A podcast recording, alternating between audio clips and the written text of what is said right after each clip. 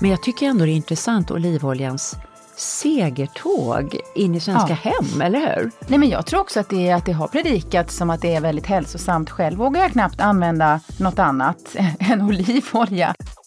Då ska du smaka något, inte bara vara flytande flott. Även om flottet är exklusivt och fint så ska det ju liksom vara smak i det.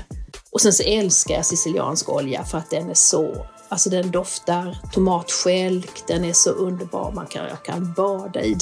Jag, skulle, jag, jag verkligen gillar den jättemycket.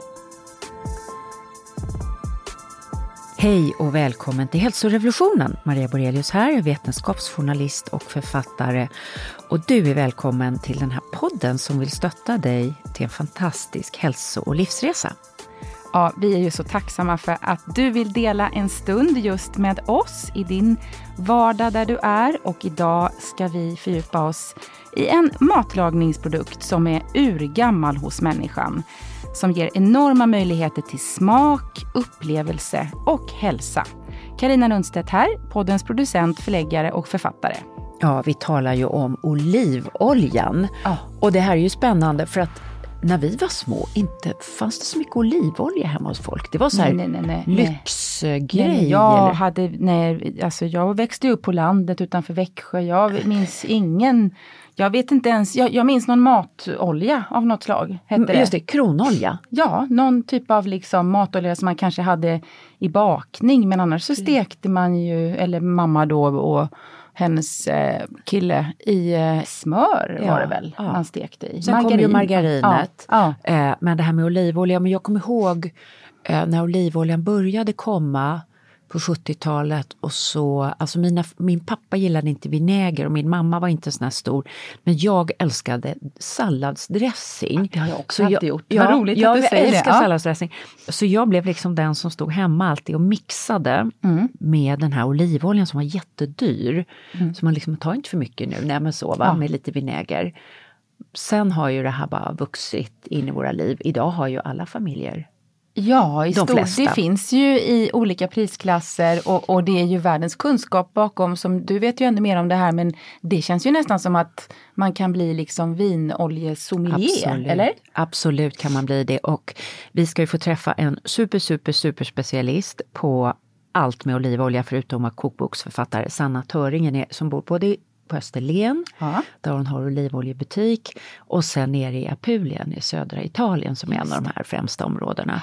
Men jag tycker ändå det är intressant olivoljans segertåg kan man nästan ja, säga, in i svenska ja. hem, eller hur? Nej men jag tror också att det, att det har predikats som att det är väldigt hälsosamt. Själv vågar jag knappt använda något annat än olivolja. Kokosolja ja. eh, använder jag ju eh, den här burken som du mm. har introducerat för mig. Och mm. sen, eh, som du har fått smuggla till mig till Italien. Ja, det har jag gjort en gång. Och jag har smugglat med dig på ja. vårt läger också. Ja, just det. Och ätit med sked. Ätit med sked, jag älskar Nej. Men sen rapsolja är mm. väl också ett, ett eh, bra, ja. svenskt alternativ som i alla fall min kusin Malin Landqvist som har varit med här eh, som är väldigt duktig kock och matkreatör. Ja. Hon, hon menar att det kan vara jämförbart Ja, det, det är en, väldigt, olivolja, det är en väldigt fin ja. olja och den har ju fördelen att den inte behöver transporteras Exakt. så långt miljömässigt. Ja. Sen är ju de här enkelomättade oljorna i olivoljan och jag menar Italien där bor nu, det ska vi inte ens mm.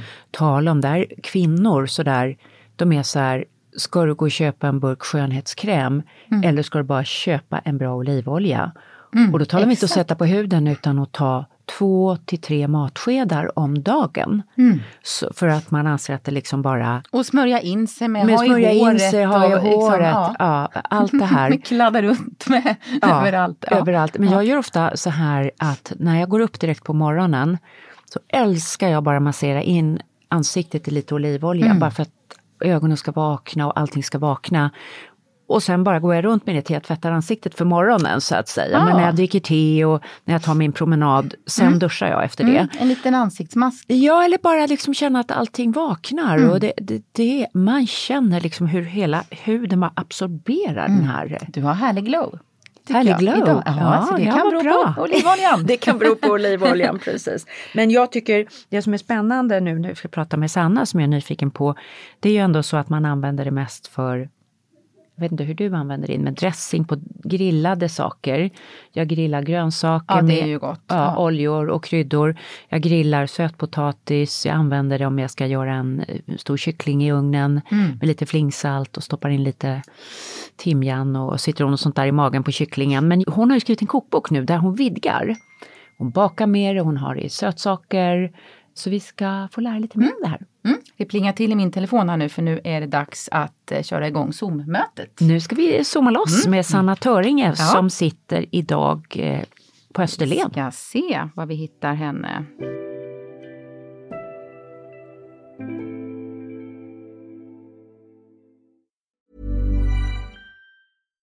Here's a cool fact. A crocodile can't stick out its tongue. Another cool fact. You can get short term health insurance for a month or just under a year in some states. United Healthcare short term insurance plans are designed for people who are between jobs, coming off their parents' plan, or turning a side hustle into a full time gig. Underwritten by Golden Rule Insurance Company, they offer flexible, budget friendly coverage with access to a nationwide network of doctors and hospitals.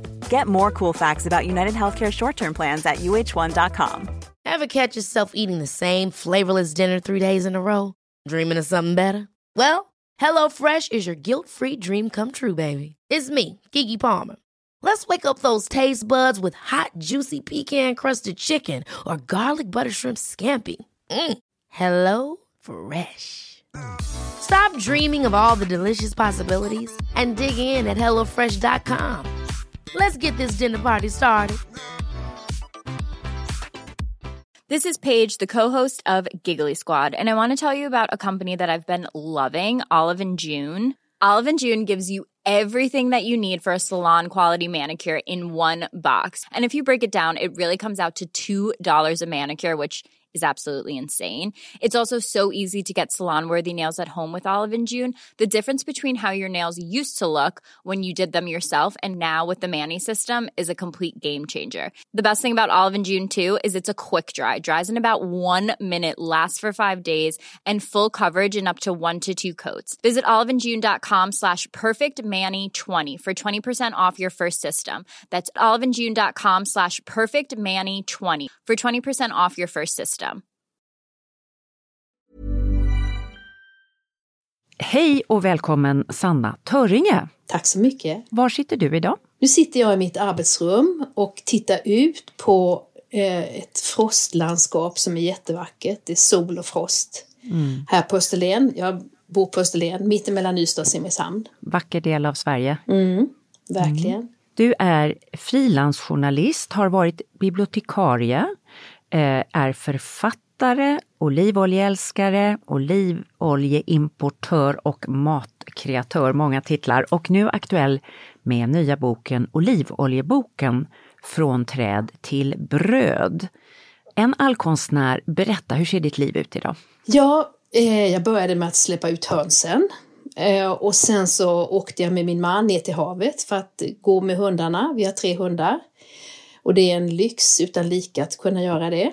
Och sen eh, hade vi lite kaffemöte, pratade om olika produkter som vi väntar in. Vi väntar in pistagenötter från Bronte på Sicilien och vi väntar in fikon, engelska hovets favoritfikon från eh, Kalabrien. Alltså vi, det är mycket som händer just nu. Alla oljor kommer nu, allting händer nu så att det är väldigt busy. Mm. Och sen för att lägga på ytterligare så, så håller jag på att planera en resa till Neapel som jag ska hålla nästa år. Så att jag håller på att läsa in mig om Neapel och planera den. Mm. En matresa? Ja, en, en mat och kulturresa.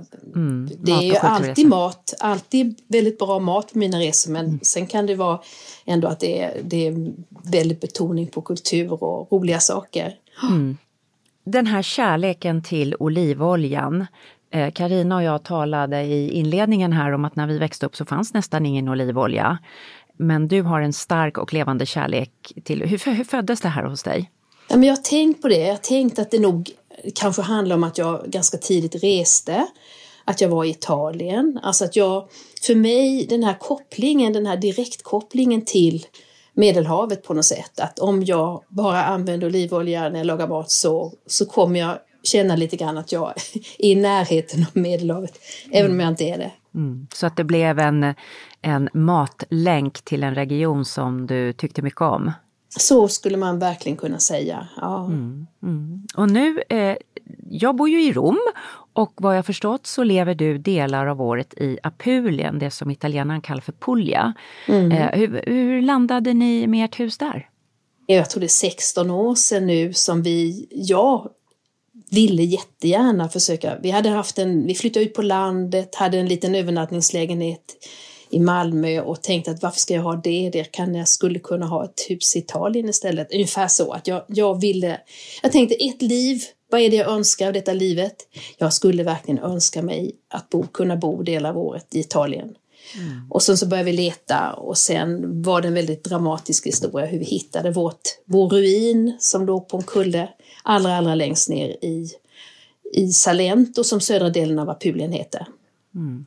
Vad, vad hände då? Hur hittade ni det? Ja, vi, eh, vi körde längs kusten. Vi slickade kusten, det är alltid roligt att göra det. Och, och jag var ganska ledsen, vi hade varit på ett ställe som jag trodde, vi hade liksom letat på nätet och hittat ett ställe och jag tänkte här är det och jag hade fantiserat så mycket om detta. Och så åkte vi dit så kändes det här, nej här är det inte. Och så åkte vi vidare, jag gråtandes lite grann för att jag kände drömmen försvann bara. Och sen åkte vi ner till ett litet café allra, allra längst ner och träffade en vänlig man som sa, vad gör ni här den här tiden på året? Och då så kommer jag ihåg, jag kommer ihåg att jag sa, jag vill leta ett hus. Och då sa han, I know somebody, sa han. Och sen, sen fortsatte det med att det kom en mäklare och sa, hur mycket pengar har ni? Och, och, och då så sa vi hur mycket pengar vi hade. Och många år efteråt har vi frågat, hur, hur kommer det sig att du sa så? Det skulle aldrig någon svensk mäklare göra. Mm. Ja, men då sa han, men annars hade jag ju inte vetat.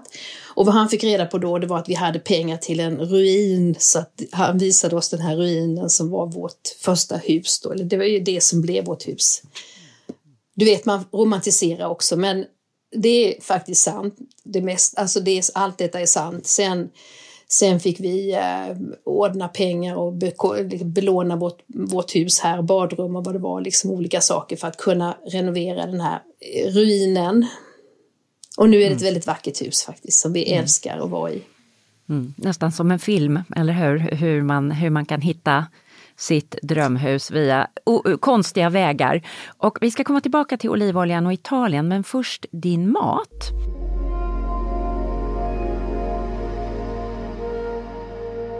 Jag har hittat till dig, Sanna, via min faster Pyttan som bor i Lund och som känner dig och för ett antal år sedan så fick jag Sannas kokbok i present, som är en kokbok som du har skrivit.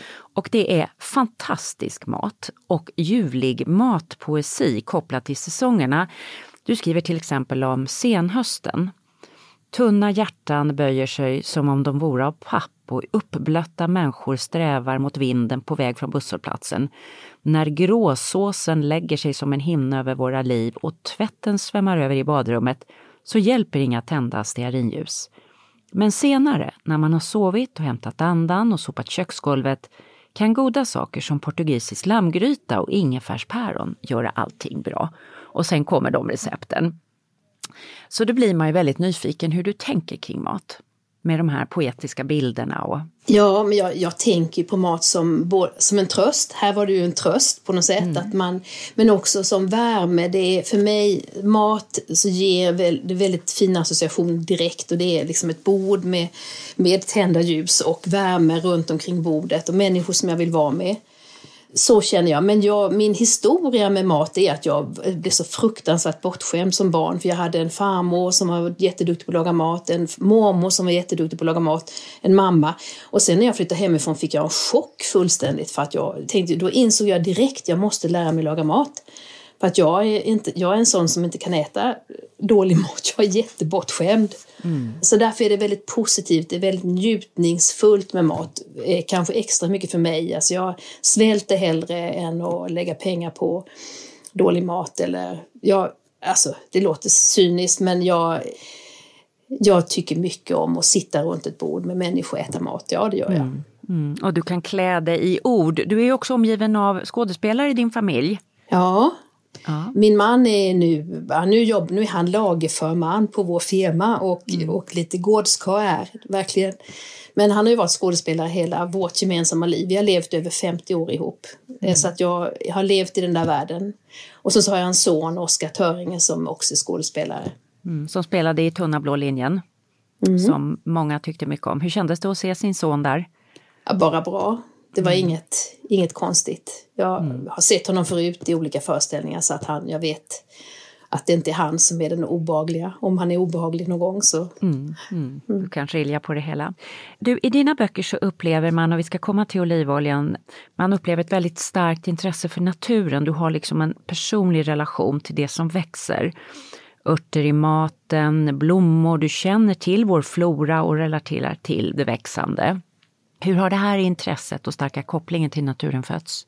Men det är om igen barndomen. Jag känner att jag, jag bodde i Kalmar och min mamma och jag vi åkte.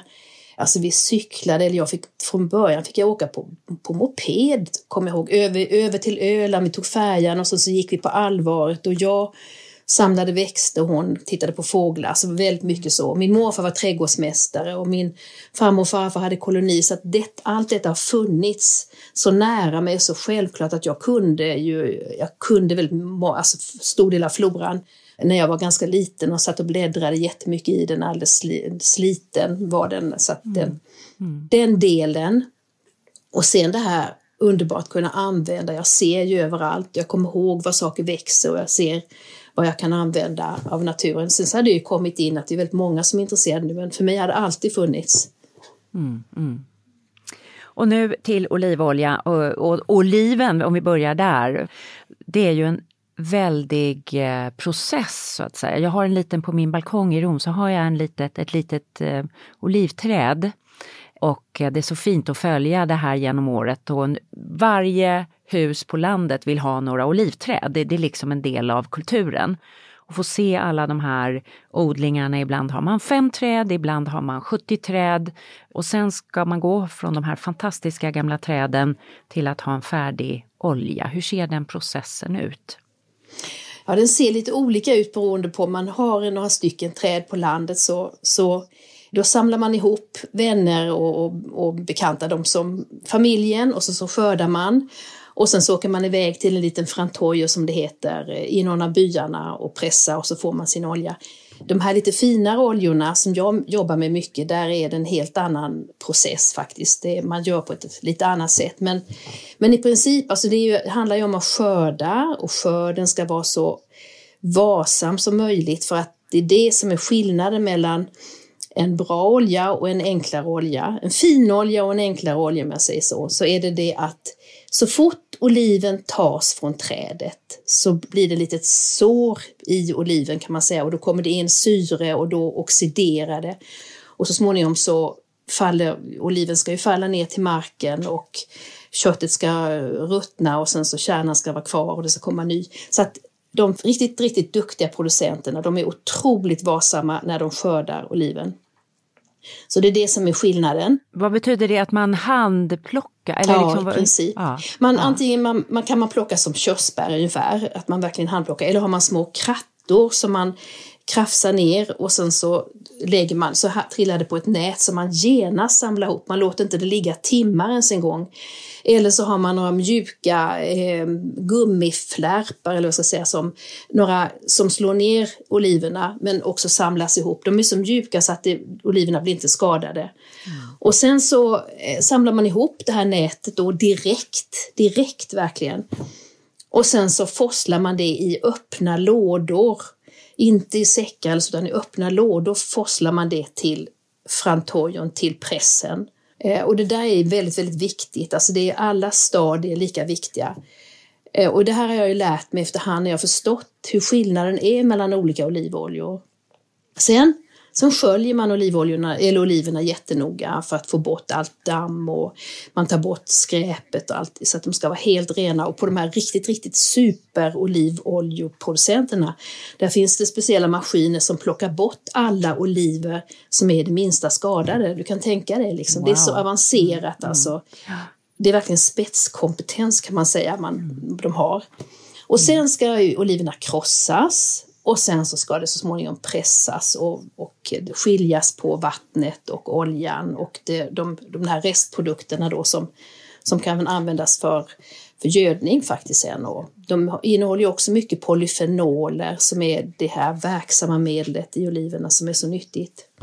Du, när man pressar, eh, kommer oljan från så att säga själva fruktköttet eller från själva kärnan eller både och? Det är både och. Och det där visste inte jag alls när jag gick runt i min lilla olivlund och så visste jag inte ens att det fanns att det var samma oliv om de var svarta och gröna. Så att det, det där har jag tänkt på efteråt. Jag visste inte någonting. Att först blir oliven grön och sen blir den ju lila och och nu för tiden så är det oftast att man skördas när det är väldigt tidigt. Man skördar medan oliverna är gröna eller håller på att bli lila. Men det är kärnan också som ingår i det här. Men det finns olivolja där man plockar bort kärnan. Det finns en liten trend att göra detta och det blir väldigt, väldigt dyr olivolja och väldigt exklusiv, den är väldigt mild och, och väldigt god men, eh, och den håller längre också men det är mindre polyfenoler i så att man, mm. jag tycker man ska ha kvar kärnan för det är den som ger eh, de här nyttiga ämnena som finns i oliverna. Mm, resveratrolet, ja precis.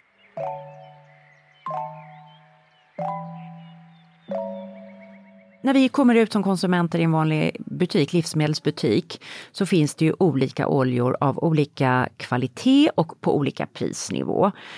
Vad är den allra finaste oljan? Man brukar prata om den här extra virgin, den extra jungfruliga oljan. Vad är, vad är det för något till skillnad från lite enklare oljor? Alltså om du går till en vanlig affär i Sverige så är alla oljor extra virgin. Du kan inte hitta en olja som inte är det. Utan alla som finns i, i vilken affär som helst det är extra virgin, utom i vissa, vissa affärer kanske för mer orientaliska mat eller sånt där. Då kan det finnas virgin olive oil. Det handlar om eh, extra virgin olive oil som vi alla använder och som kan ha väldigt, väldigt olika kvalitet. Så det är ingen, ingen säkerhet att det här är en extra virgin olive oil, det är en bra olivolja. Tyvärr så är det inte så. Men då ska det vara, det får inte värmas upp med mer än 27 grader i när man pressar oliven. Det är ett kriterium.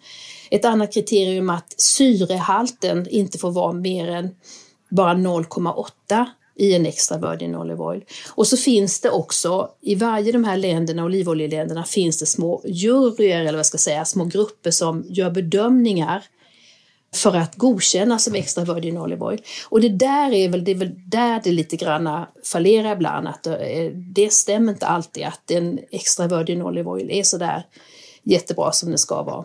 Mm. Och om man prövar lite olika olivoljor och vad ska man leta efter för kvalitet i oljan för att känna nu har jag hittat en bra olja. Den här får verkligen heta extra virgin oil och det, det är en bra jury, de har givit priset till rätt olja. Hur ska det smaka då i munnen?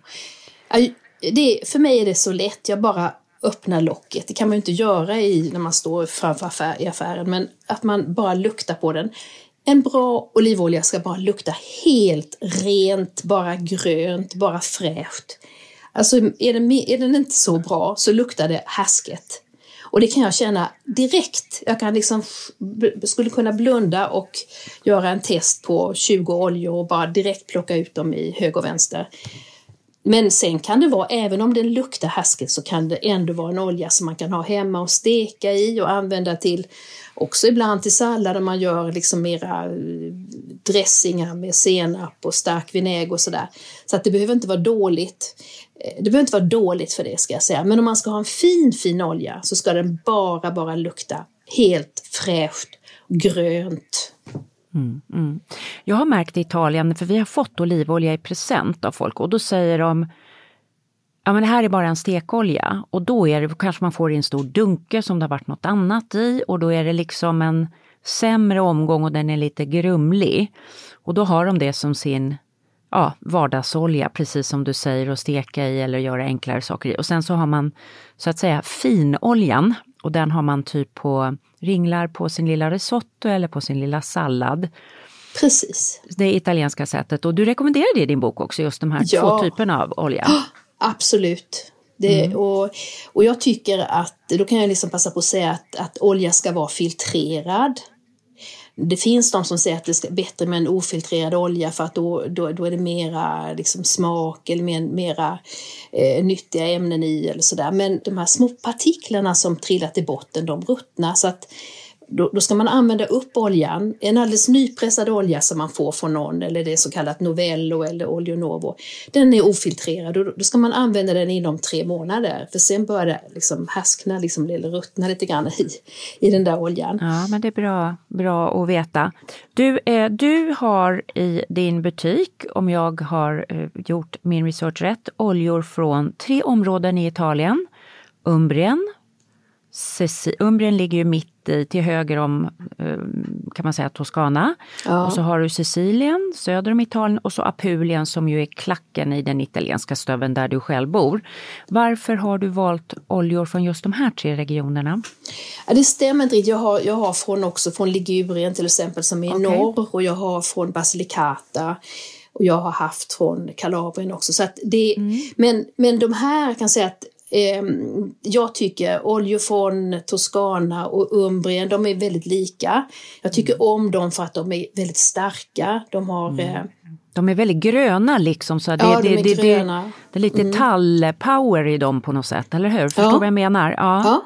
Och det passar till den maten också. Det passar mycket till soppor, till linser och bön och alltså till, och till pasta förstås. Så den är, mm. det jag gillar de oljorna jättemycket.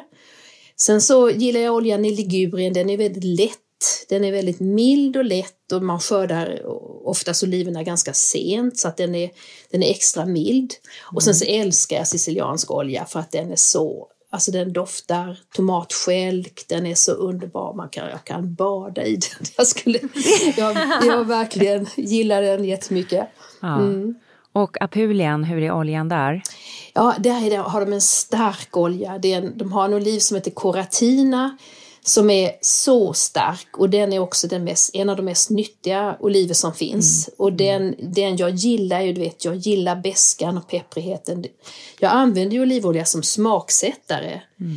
Så att det är ju det och då vill jag, det får inte vara för milt, då vill jag ha en kraftig smak. Om jag ska hälla det över en pasta till exempel eller som du, eh, så då, då ska du smaka något, inte bara mm. vara flytande flott. Även om flottet mm. är exklusivt och fint så ska det ju liksom vara smak i det. Mm. Men sen använder vi också mild olja.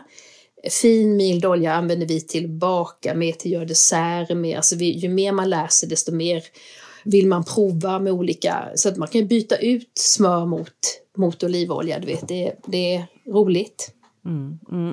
Alltså vad säger du om det? För att det där, eh, jag sa just det till Karina, jag har ju använt det på ett lite mesigt sätt inser jag när jag läser din, eh, din bok. Mest på grillade grönsaker i ugnen eh, och, och kanske på lite risotto och mm, salladsdressing förstås. Men du, du har en mycket bredare användning och använder det till exempel till bakning. Behöver man inte det här smörets förmåga eller margarinets förmåga att liksom både kunna vara lösligt och sen bli fast, så att säga, det mättade fettet som blir fast när det är sen i rumstemperatur för att ge bakverksstadga? Nej, nej inte alls. Vi har provat på olika sockerkakor. Du vet, om, man, om man är i Italien så får man ofta sockerkaka till frukost.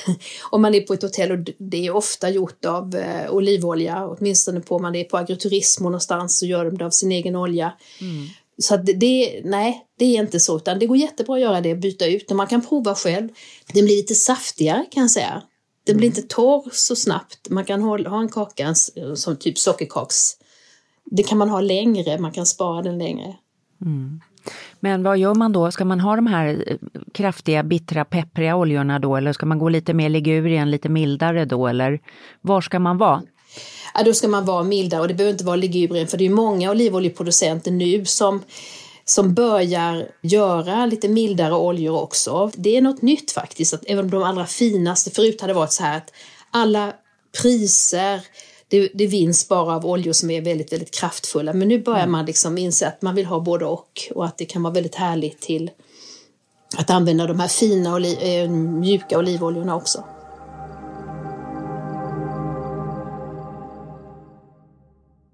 Om vi tittar på dressing, salladsdressing, alltså jag älskar salladsdressing. Vad är din bästa olivoljebaserade salladsdressing? Om, om vi har bara gröna blad och kanske med lite gurka och blekselleri eller något enkelt, så lite grönt, inte, inte för kraftig sallad. Vad är det bästa receptet du vet då? Ja, men jag gör ju alltid sallad till lunch. Jag äter sallad till lunch sex dagar av sju i veckan. Och då, men då ringlar jag bara, jag ringlar över olivolja, jag blandar inte dressing, jag ringlar över olivolja, sen så skvätter jag lite Ofta så har jag antingen citron eller har jag äppelcidervinäger tycker jag mycket om. Jag hörde, på, jag hörde er förra podd, jag hörde ni prata om, om sherryvinäger tycker jag också jättemycket ja, om. Det är jag, om det. det. Ja, ja, jag det, vet. Ja. ja, det gillar jag. Så att, och sen så lite, kanske lite örtsalt. Den, den gör jag varje, varje, varje dag.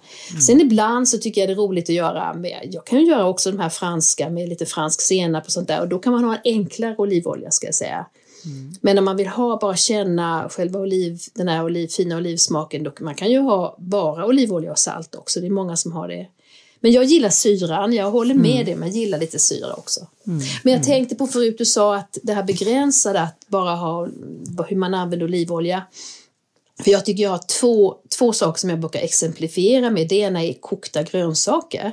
Mm. Man tänker då kokta morötter, då tänker man en smörklick. Man tänker direkt en smörklick, att man skulle ha det. Eller bönor, en liten smörklick. Jag har alltid olivolja. Mm. Så att kokta grönsaker, det är ju olivolja. Och ibland så kan man ju fräsa lite grann snabbt, bara slunga det runt ibland. Och sen så det andra är fisk faktiskt. Att man, jag tänker på Italien är det så, man får en fisk. Mm. Då får man ju olivolja och citron till.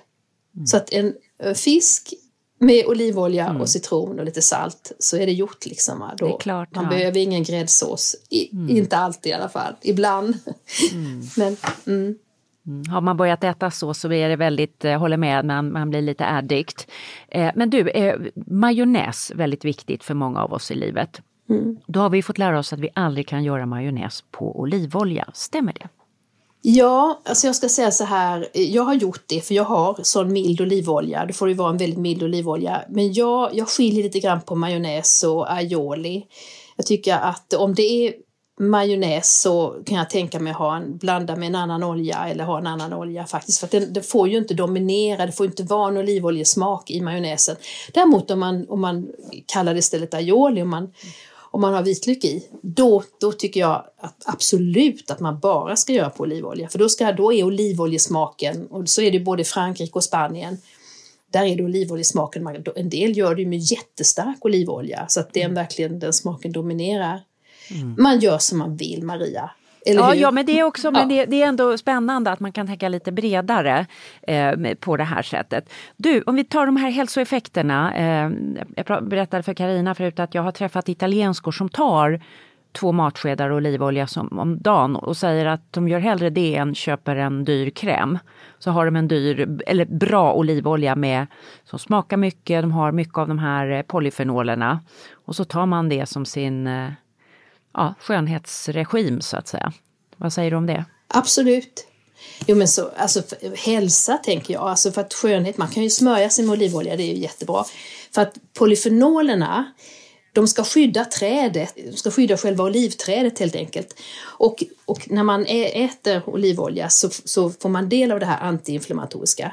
Så att jag tycker det är två, två matskedar kör jag med, så att det är liksom är oftast mer i och för sig, men jag tycker det är ett bra tips. Tar du det bara förutom maten, sådär bara som medicin eller totalt sett i maten? Alltså jag har träffat italienskor som tar det förutom maten, bara rätt ja. upp och ner. Jag har rätt många kunder här som gör det också. Då vill de ha den mm. starkaste olivoljan som är mm. mest polyfenoler. Mm. Men nej, jag gör inte det. Jag gör mm. absolut jag, jag får i mig så enormt mycket olivolja ändå. Så jag, jag, har det, jag har det på sallad och jag har det på allt möjligt. Så att det... Ja.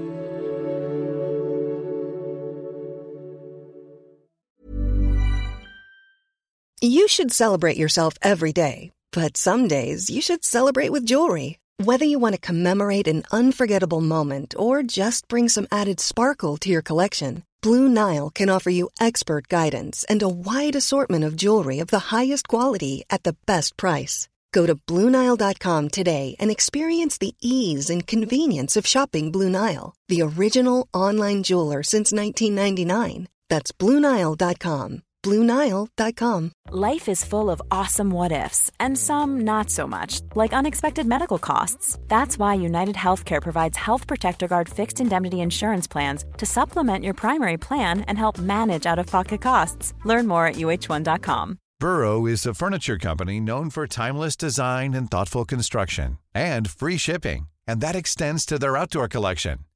Their outdoor furniture is built to withstand the elements, featuring rust-proof stainless steel hardware, weather-ready teak, and quick-dry foam cushions.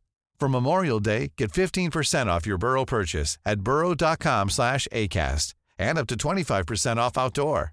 That's up to 25% off outdoor furniture at burrow.com slash ACAST. Du berättade om dina kurser och resor i Italien. Du åker runt hos olika damer i Rom och äter mat och går på marknader och nu ska du till Neapel. Berätta, vad, vad gör ni? Nej, men jag gör ju det här för att jag tycker det är roligt. Och att resa tycker jag är väldigt roligt. Så i år ska jag ha, nästa år alltså 24, då ska jag ha en resa till Bologna och en resa till Neapel. Eh, och sen så Piemonte, lite Rom. Alltså jag, jag passar på att göra de här sakerna och jag träffar väldigt trevliga människor som följer med mig och jag har kul. Så det, jag gör det så länge jag har lust. Och så äter ni hemma hos vanliga italienare? Ja, den resan som du pratar om den har jag haft i väldigt många år och det har varit, det är ett väldigt bra koncept att gå hem till någon, det vill man ju gärna göra. Det är ju underbart att träffa människor på riktigt. Det är ju det man vill när man reser egentligen och det är det som är lite svårt att göra. Så att det är bra att kunna, att kunna ha de kontakterna, mm. att göra det. Mm. Mm. Vad är det för människor ni besöker, vars hem ni besöker då i, i Rom? Ja, jag ska säga det att just den resan till Rom har jag slutat med för jag har haft den så länge och mm. Eh, jag vill göra annat. Eh, från början var det några tanter som, som vi kände eller som min väninna i Rom kände och sen så har vi ju letat nya tanter hela tiden. Det gör vi också i Bologna och Neapel så letar vi tanter. Och vi har några, några män också faktiskt som, eh, som tycker om att ta emot och det är ju, då är man ju som gäst verkligen, även om man betalar rätt bra för sig, för det, det gör vi ju alltid. Men det är ju att få, att få sitta lite trångt hemma i någons vardagsrum och lite extra stolar och, och någon som är ute i köket och man kan titta ut och titta på vad gör de nu och någon som berättar så här gör jag när jag lagar den här rätten mm. och så. Det är ju underbart. Mm, låter, låter underbart. Mm. Du, om man nu blir nyfiken på din olivoljebok, på dina olivoljor, på att få resa med dig till Italien och vara hemma hos tanter och farbröder på olika ställen som lagar mat och titta på kultur. Var hittar man allt det här? Jag har ju en hemsida som heter Sannas Italien. Sen så har jag ju en liten affär på Österlen. Och det är ju det roligaste att ha direkta möten för då får man ju prova olivoljor hela tiden. Mm. Jag, jag mm. låter ju alla mina kunder prova. Och den heter Olivoljebutiken så man kan antingen slå på Olivoljebutiken eller på Sannas Italien så får man mm. information om mig. Var ligger den fysiskt? Den ligger ovanför Sandhammarens vackra strand, mittemellan Ystad och Simrishamn. Mm. Först kör man en liten grusväg, sen kör man en ännu mindre grusväg och folk tror att de har kommit fel och vi har, inga, vi har väldigt lite skyltar för att vi får kunder ändå. Och sen så är det en stor äng och där finns huset där olivoljebutiken finns. Mm. Och det är öppet eh. varje fredag och lördag ska jag säga. Men, så det är öppet hela året och det betyder att jag har ju kunder som bor här. Så jag brukar berätta om, om bonden som kommer körandes på traktor för att köpa sin väldigt starka olivolja som han just det tar två matskedar varje morgon. Mm, det låter som den bästa, eh, bästa reklamen för den här livsstilen. Eh, vad hoppas du nu med olivoljeboken slutligen? Vad hoppas du att den ska leda till? Ja, men jag är passionerad i detta, det hörde du när jag pratade, det är bara som att trycka på en knapp. Så att jag, jag vill ju gärna att folk ska förstå hur det är med olivolja och att man även kan ha, att man kan ha en olivolja att steka i. Det går alldeles utmärkt, det är bara en myt som säger att man inte ska steka i den. Livsmedelsverket de, de, de rekommenderar att man ska steka i olivolja. Och sen att man har en fin olja för att det är så härligt mm. som smaksättare. Mm. mm. Mm. Ja, den här boken är, är, faktiskt jättefin. Den är både vacker och väldigt, väldigt inspirerande. Och jag jobbade för några dagar sedan med den fotografen som, som har hjälpt dig att plåta, Peter Karlsson.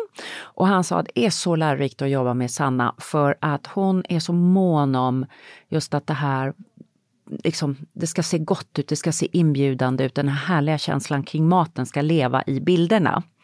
Och eh, det har ni verkligen lyckats med. Sanna Töringe, varmt tack för att du ville vara med och lycka till med olivoljan. Tack så mycket. Tack.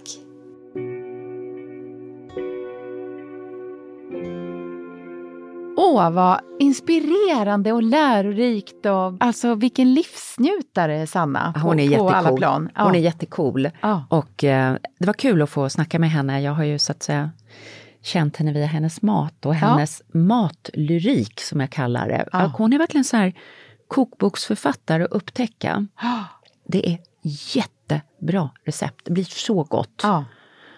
Och hon har ju varit en sån här knytpunkt har jag förstått genom min faste lite, du vet som har, det är liksom i studentdag, lagat stora grytor, lagat Ja. bra mat. Och så lite bohemisk och så den här starka kärleken till naturen. Mm. Coolt. Cool blandning. Nej, men jag tar med mig också det här hon säger, som inte har direkt med olivolja att göra. Att, nej, men när hon sa, ja man har ett liv och vad ville jag göra? Jag ville bo i Italien. Och kunde jag få till det? Och hon sålde då, om som jag fattades, en lägenhet och förverkligade det. Det, alltså, ja, det blev väldigt inspirerande. Ja, och så ordnar de här resorna. eh, Jag har ju hört dem via min faster om de här tanterna i Rom. Och då är det bara helt vanliga människor i olika lägenheter i olika, alltså inte turistrom utan det här vanliga. Ja. Så man åker hem och så sitter man där och äter vardagsmat med dem. Så och mysigt. ja, så mysigt. Och nu går de här resorna vidare. Så att... ehm, Och så jobbar hon ihop med sin man. Det rätt Ja, så mysigt. mysigt, Att, ja, ja. De har varit tillsammans i 50 år. Och, Ja, Och han, det han är är alla- gårdskarl där nu och, och lagerförman ja, för alla och alla polyfenoler, är, de, de, de verkar funka. Ja, de verkar funka. De verkar funka. Nej, men eh, alltså hon har gjort slag i ett liv som många drömmer om. Verkligen. Alltså på landet, naturnära, mat. Alltså, Ja, Österlen och Italien, det är Eh, ju verkligen en inte en superkombo. Mm. Superkombo, superkombo. Vi är så privilegierade att få möta alla de här fantastiska Ja, människorna och ja. att du vill dela tid med oss. Har du funderingar om mat, bo på landet, olivolja, hälsa, livet, drömmar? Ja, det går fint att höra av dig till oss på Instagram. Där finns vi och heter Hals och revolutionen understreck podcast. Vi har också en gmail som vi läser lite sporadiskt, men eh, eh, det går fint att mejla också till hals och revolutionen podcast at gmail.com. Var rädd om dig och hej då! Hej då, ha det bra!